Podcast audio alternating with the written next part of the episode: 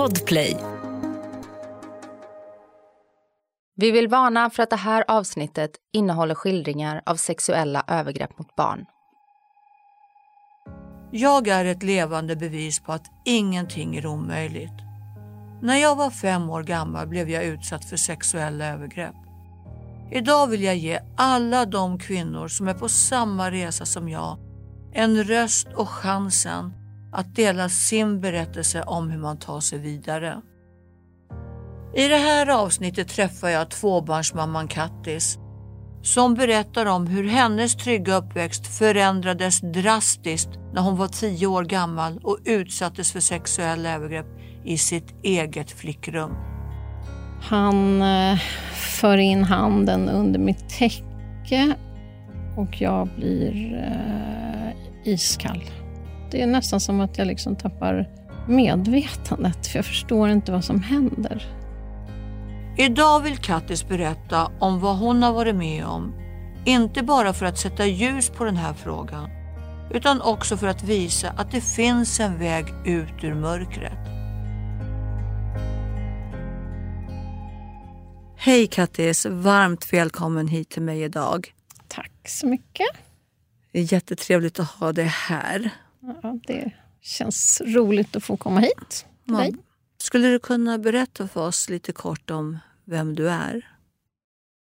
Ja, jag heter Kattis. Jag är 56 år gammal. Jag glömmer bort hur gammal jag är ibland. Eh, men än så länge är jag 56. Eh, jag har två barn och eh, en sambo.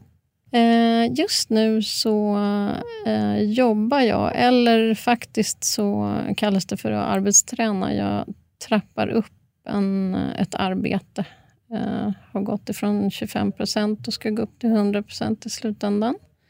Uh, på en förening som heter NextMe. Uh, som jobbar med människor som har blivit utsatta för sexuella angrepp och så när de var barn. Och även unga människor. Träffar vi barn så är det klart att de är välkomna precis lika mycket. Kattis, vad kommer du berätta för oss här idag?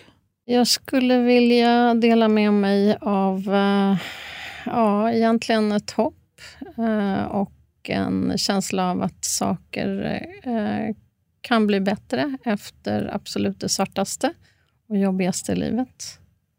Att man inte får ge upp och att man inte får tappa hoppet fast man blir äldre och har varit med om saker långt, långt tidigare i sitt liv. Kattis, varför har det varit viktigt för dig att vara öppen med det här? Uh, ja, det är ju jätteviktigt, alltså oerhört uh, viktigt att prata om det för att för mig har det betytt allt. Jag själv, när jag tog hjälp första gången, då gjorde jag det på grund av att jag läste om en exakt samma, alltså likadan händelse. Samma släktskap. Och eh, jag insåg att jag inte var ensam. För det är den här ensamheten som gör att man tänker att det här är så galet. Det här är så annorlunda. Det här är inget som kan hända någon annan. Jag vill att ska, människor där ute ska förstå att det är vem som helst. Och om jag kan få någon att ta hjälp så snart som möjligt så är det en enorm vinst för mig. Jag vill inte att någon annan ska gå med det här för att du blir fri. Alltså, du Släpp ut det. Släpp släppt, eh, det är precis som du säger, eh, skammen och, och, skulden som jag har burit på. Det är inte min. Det är inte jag som ska bära på det. Det är helt vansinnigt. Medan någon annan fortsätter leva ett normalt liv. Jag är inte den som ska bära det. Jag är inte den som ska ha gått igenom alla saker jag har gjort i livet. Nej, för det pratade du ju också om. Det här att vi som råkar ut för det får ju våra liv oftast förstörda i mm. många, många år. Och en del klarar inte ens av att fortsätta att leva. Medan de som har utsatt oss lever ett fullt normalt liv. Mm.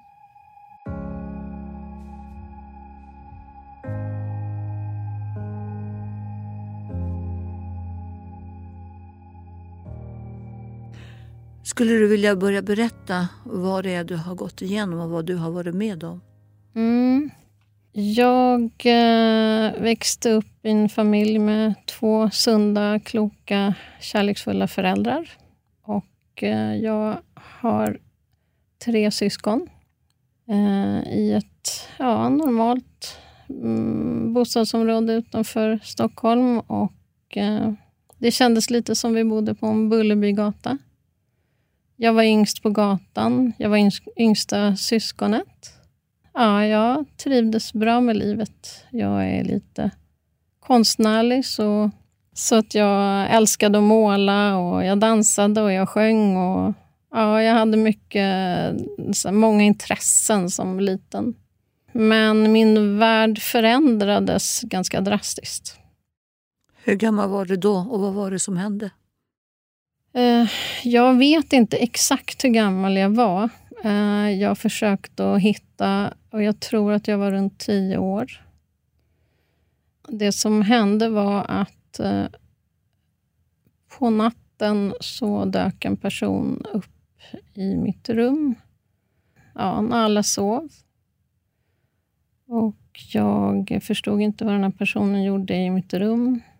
Eh, efter ett tag vet jag vem det är.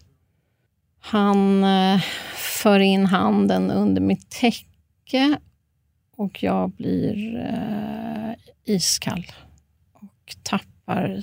Det är nästan som att jag liksom tappar medvetandet, för jag förstår inte vad som händer.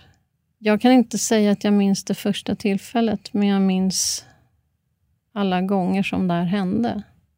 Och att jag var verkligen ett litet barn fortfarande när det hände.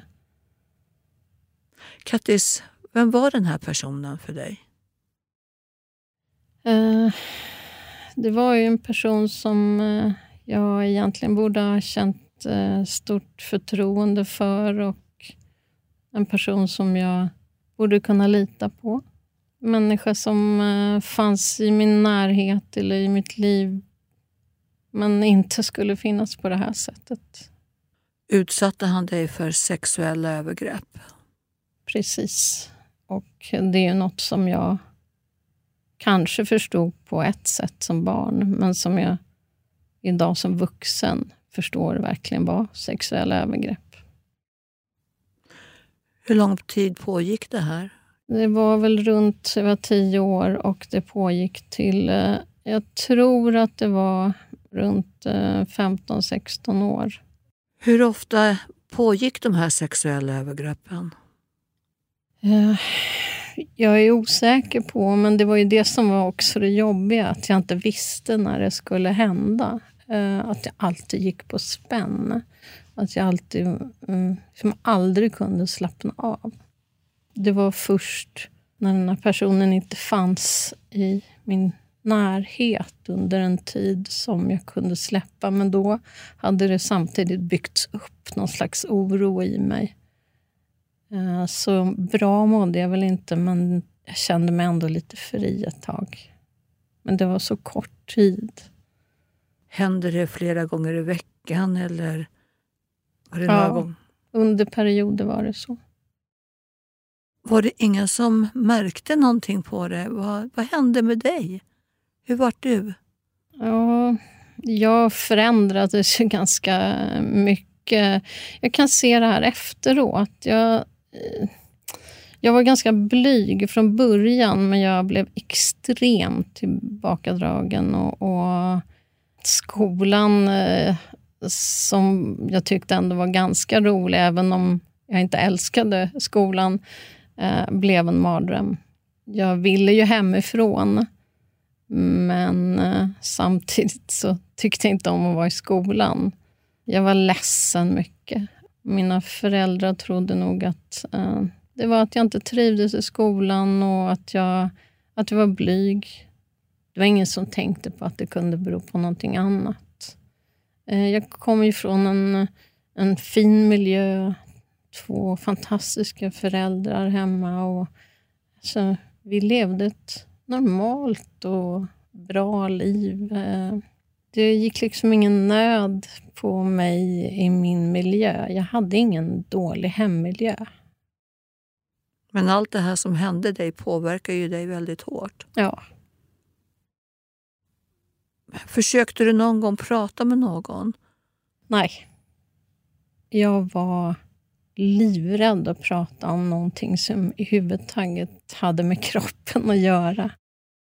Det var som att jag ville förtränga det här för att få den resten av tiden i mitt liv och all annan tillvaro vill jag ju fylla med positivt. Eh, men jag blev ju mer och mer tillbakadragen och hade svårt att eh, ja, skaffa vänner, för jag höll mig undan. Jag gömde mig. Jag satt i skogen själv. Varför gjorde du det? Jag var nog rädd. Rädd för att det skulle hända igen? Nej, inte när jag var, inte när jag var i skolan. Men jag var rädd för allt. Jag var livrädd att gå på toaletten och låsa dörren. Jag var rädd för att eh, visa mig ledsen. Jag var rädd för att eh, alltså, räcka upp handen. Jag, jag var rädd för att någon skulle tycka någonting jag sa eller gjorde var dumt. Eller jag var rädd att någon skulle skratta åt mig. Ja, jag var nog jag var, jag var rädd för jättemycket saker. Eh, jag hade ett extremt dåligt självförtroende. Var det på, kunde det bero på det, allt det här du gick igenom? Eh, idag är jag helt övertygad om att det var det. Eh, och jag har ju förstått att det är så. Och det har jag ju väl genom att jag har pratat med andra personer som har varit med om samma sak. Det är ju som att man drar ett karbonpapper över våra berättelser och det vi ja, förklarar för varandra hur våra kroppar och hur vi har varit och, och så. Ett poddtips från Podplay. I fallen jag aldrig glömmer djupdyker Hasse Aro i arbetet bakom några av Sveriges mest uppseendeväckande brottsutredningar går vi in med hemlig telefonavlyssning och, och då upplever vi att vi får en total förändring av hans beteende. Vad är det som händer nu? Vem är det som läcker? Och så säger han att jag är kriminell, jag har varit kriminell i hela mitt liv men att mörda ett barn, där går min gräns. Nya säsongen av Fallen jag aldrig glömmer på Podplay.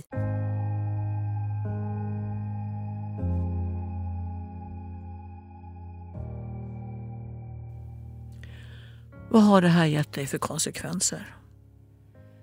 Ja, eh, jag skulle nog vända på det och säga vad har det inte gett för konsekvenser? Kan du inte berätta lite eh, så här hur det har påverkat dig som person? Vem du blev av allt det här mm. och vilka val du har gjort i ditt liv? Jag har gjort ganska många dåliga val tidigare.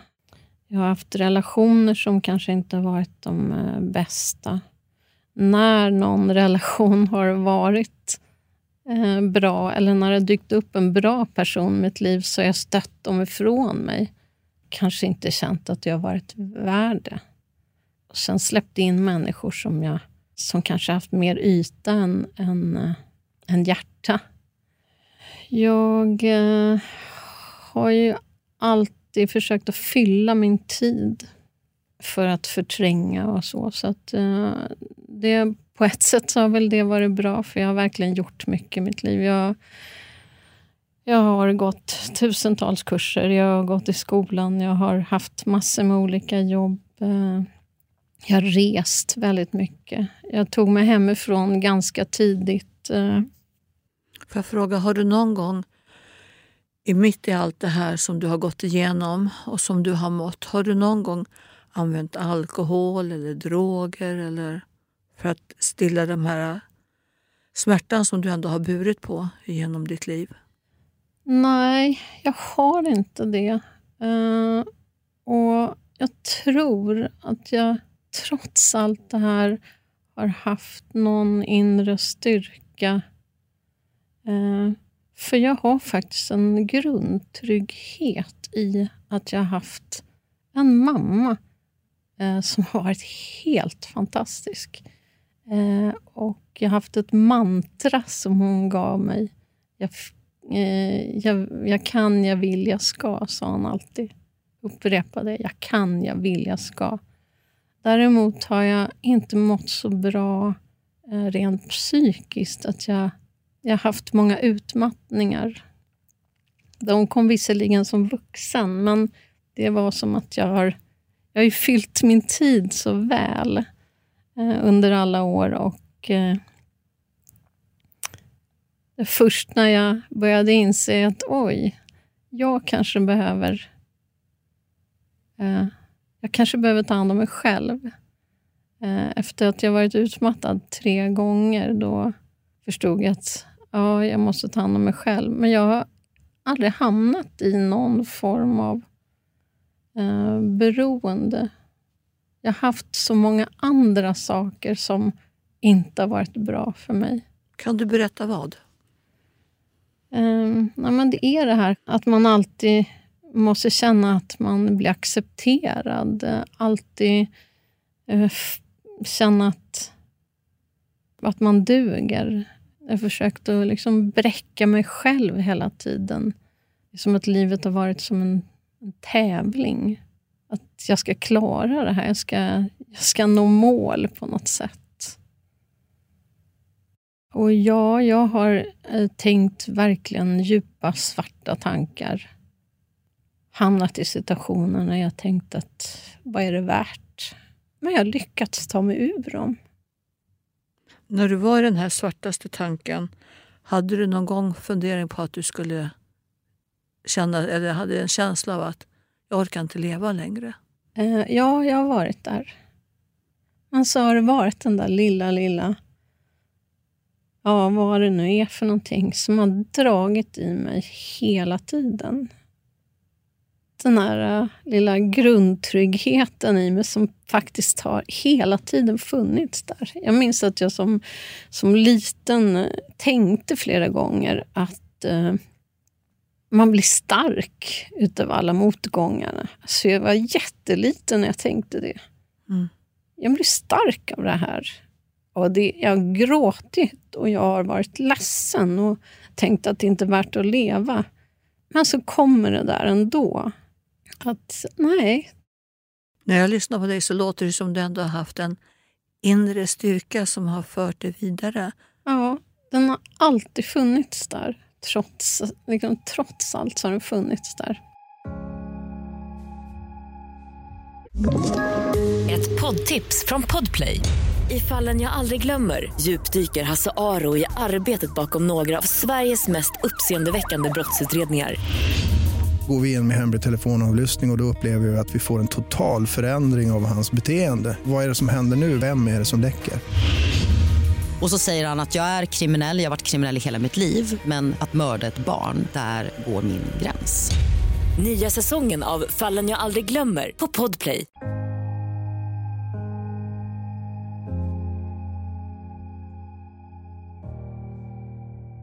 Jag tänker en sak.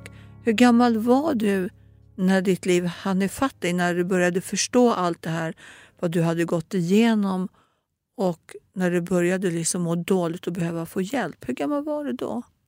Ja, eh, jag hann bli ganska gammal.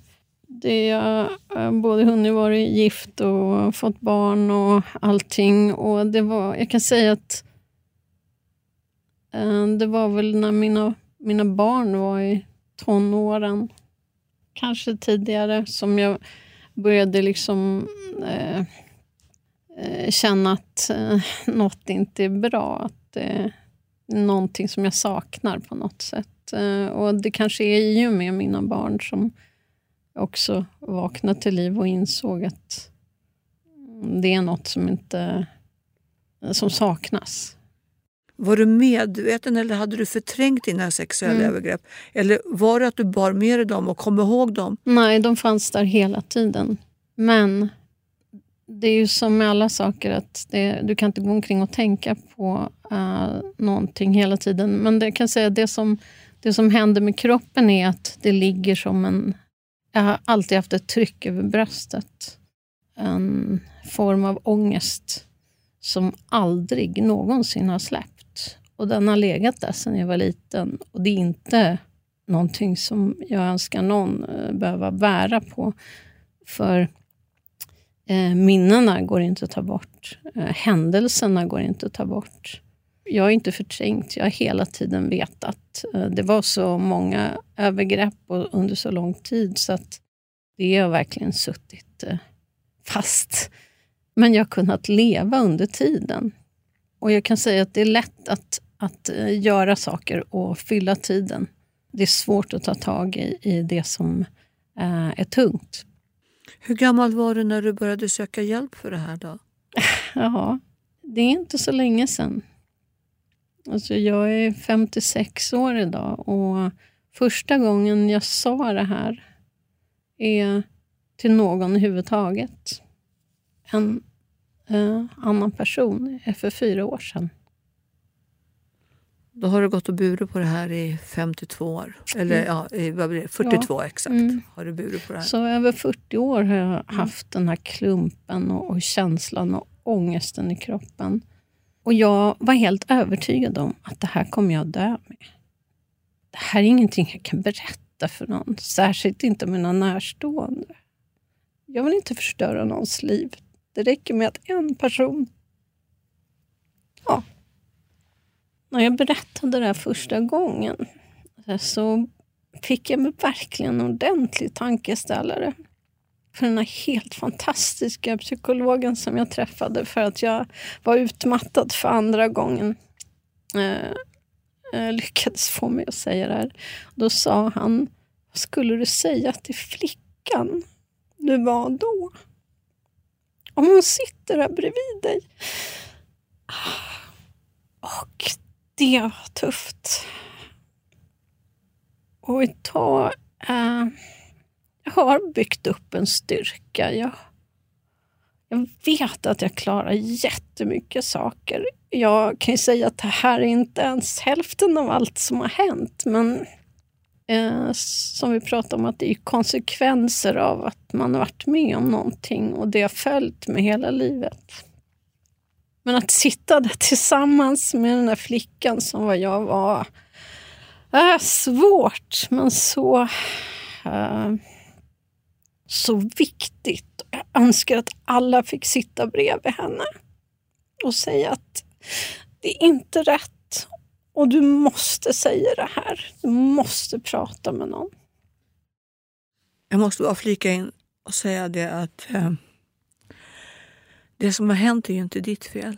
Och skammen och skulden är absolut inte din.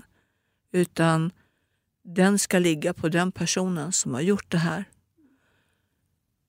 Har du lyckats kunna säga någonting till din lilla tjej? Uh, uh, ja, uh, jag kan säga att jag gråter när jag pratar om det. Men det är ett sjuhelsikes liv i mig nu mm. och Eh, jag gör allt för henne. Och jag känner att det är så oerhört viktig fråga. För jag tror att mörkertalet av eh, de här flickorna och pojkarna faktiskt är enormt. Det är inte någon, vem, alltså du tror att du vet hur folk ser ut eller vilka de är. Du har ingen aning om vem det är. Det du kan inte se det på utsidan på någon. Både du och jag vet ju att mörkertalet är ju ofantligt mycket större. Och eh, det vi pratar om, det här att vi behöver synliggöra att verkligen ta fram de här små barnen som blir utsatta för sexuella övergrepp. Mm. Vi pratade ju också om det här med att, att vi tycker att det är så skamligt, det är så vidrigt. Det som händer, att sexuella övergrepp är det värsta som kan hända ett barn. Men det är ännu värre och ännu mer skamligt att inte prata om det mm. och synliggöra det hela. Skammen ligger inte på den som bär på det dåliga någon annan har gett dig. Det är, mm. inte, det är inte jag som ska bära på det. Jag tänker, Kattis, nu har ju du gått lite i terapi. Var står du idag? Idag eh, så står jag någon helt annanstans. Jag sitter och bölar här över det här. För det är faktiskt så att eh, det är tungt att prata om oberoende. Och det är viktigt också att bli ledsen och, och få ur sig de här sakerna. Men, men jag står någon helt annanstans idag som människa. Och för mig så, så jag kan säga att det här trycket över bröstet har släppt. För jag har, jag har berättat. Jag eh, har valt att inte berätta för min mamma, som är gammal och eh, inte ska behöva höra det här. Men däremot så har jag berättat för min närmaste omgivning. Eh, med olika resultat. Men det har inte berört mig så mycket när resultatet inte har varit så bra. Mottagandet inte har varit bra. För jag känner att jag, det är som att jag är fri. Man kan tro att om man har gått så här länge att det inte går att bli av med det här trycket. Eh, men det gör det. Det var det som var lösningen för mig. Eh, det hade kunnat lösa mycket för mig om jag hade pratat om det tidigare. Eh, men nu hände det och jag är så innerligt tacksam att jag tog modet till och gjorde det. Ja, det är det bästa du har gjort för din skull. Jag tänker, fick du med dig någon? Var det någon som stöttade dig och stod på din sida när sanningen kom fram? Ja, min eh, sambo och mina barn. Och, eh, de vänner som jag berättade för. Jag har inte gått ut och liksom berättade för varenda människa. Men eh, de som står mig närmast. och det har varit så skönt. Och ja, det, det är någon slags frihetskänsla. Det är lite som om man är en puppa. Mm. och man har istället rep runt sig. Ja, det känns som att jag har varit bunden och sen har jag fått... Alltså repen har lossnat sakta men säkert och, och nu flyger jag. Hur tror du ditt liv kommer att se ut om fem år? Ja... Eh, och framförallt hur du kommer må?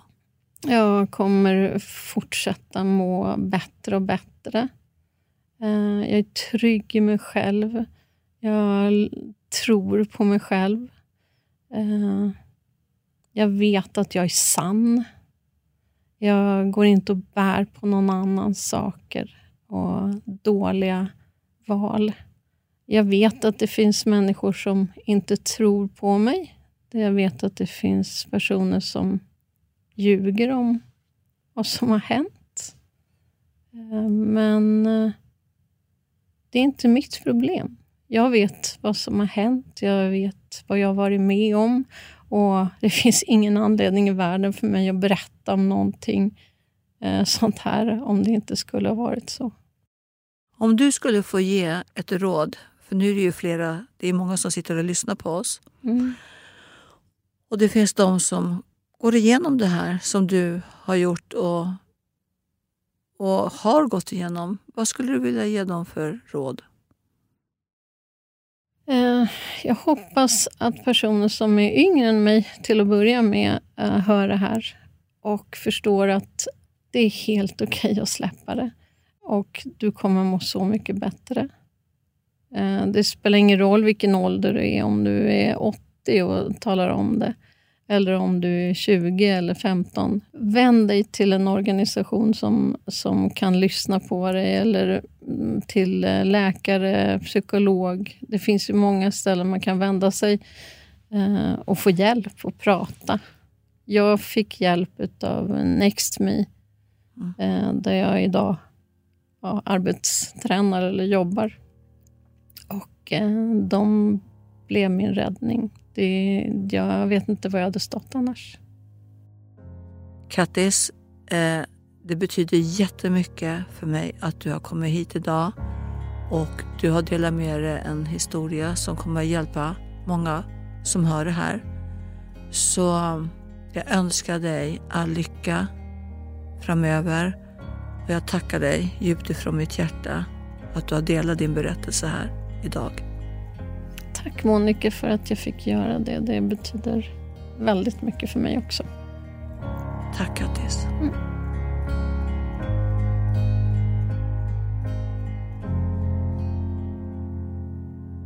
Om du vill prata med någon om dina upplevelser eller har frågor om våld i nära relationer och sexuella övergrepp kan du kontakta Kvinnofridslinjen på nummer 020 50 50 50. Detta är en produktion av Fuse PR och Gabardin för Podplay. Producenter Anna Hegerstrand och Sofie Brussell. Klippning Ludvig Sjöström. Exekutiv producent Jonas Lindskog. Podplay, en del av Power Media. Ett poddtips från Podplay. I fallen jag aldrig glömmer djupdyker Hasse Aro i arbetet bakom några av Sveriges mest uppseendeväckande brottsutredningar. Går vi in med hemlig telefonavlyssning och, och då upplever vi att vi får en total förändring av hans beteende. Vad är det som händer nu? Vem är det som läcker? Och så säger han att jag är kriminell, jag har varit kriminell i hela mitt liv men att mörda ett barn, där går min gräns. Nya säsongen av Fallen jag aldrig glömmer på Podplay.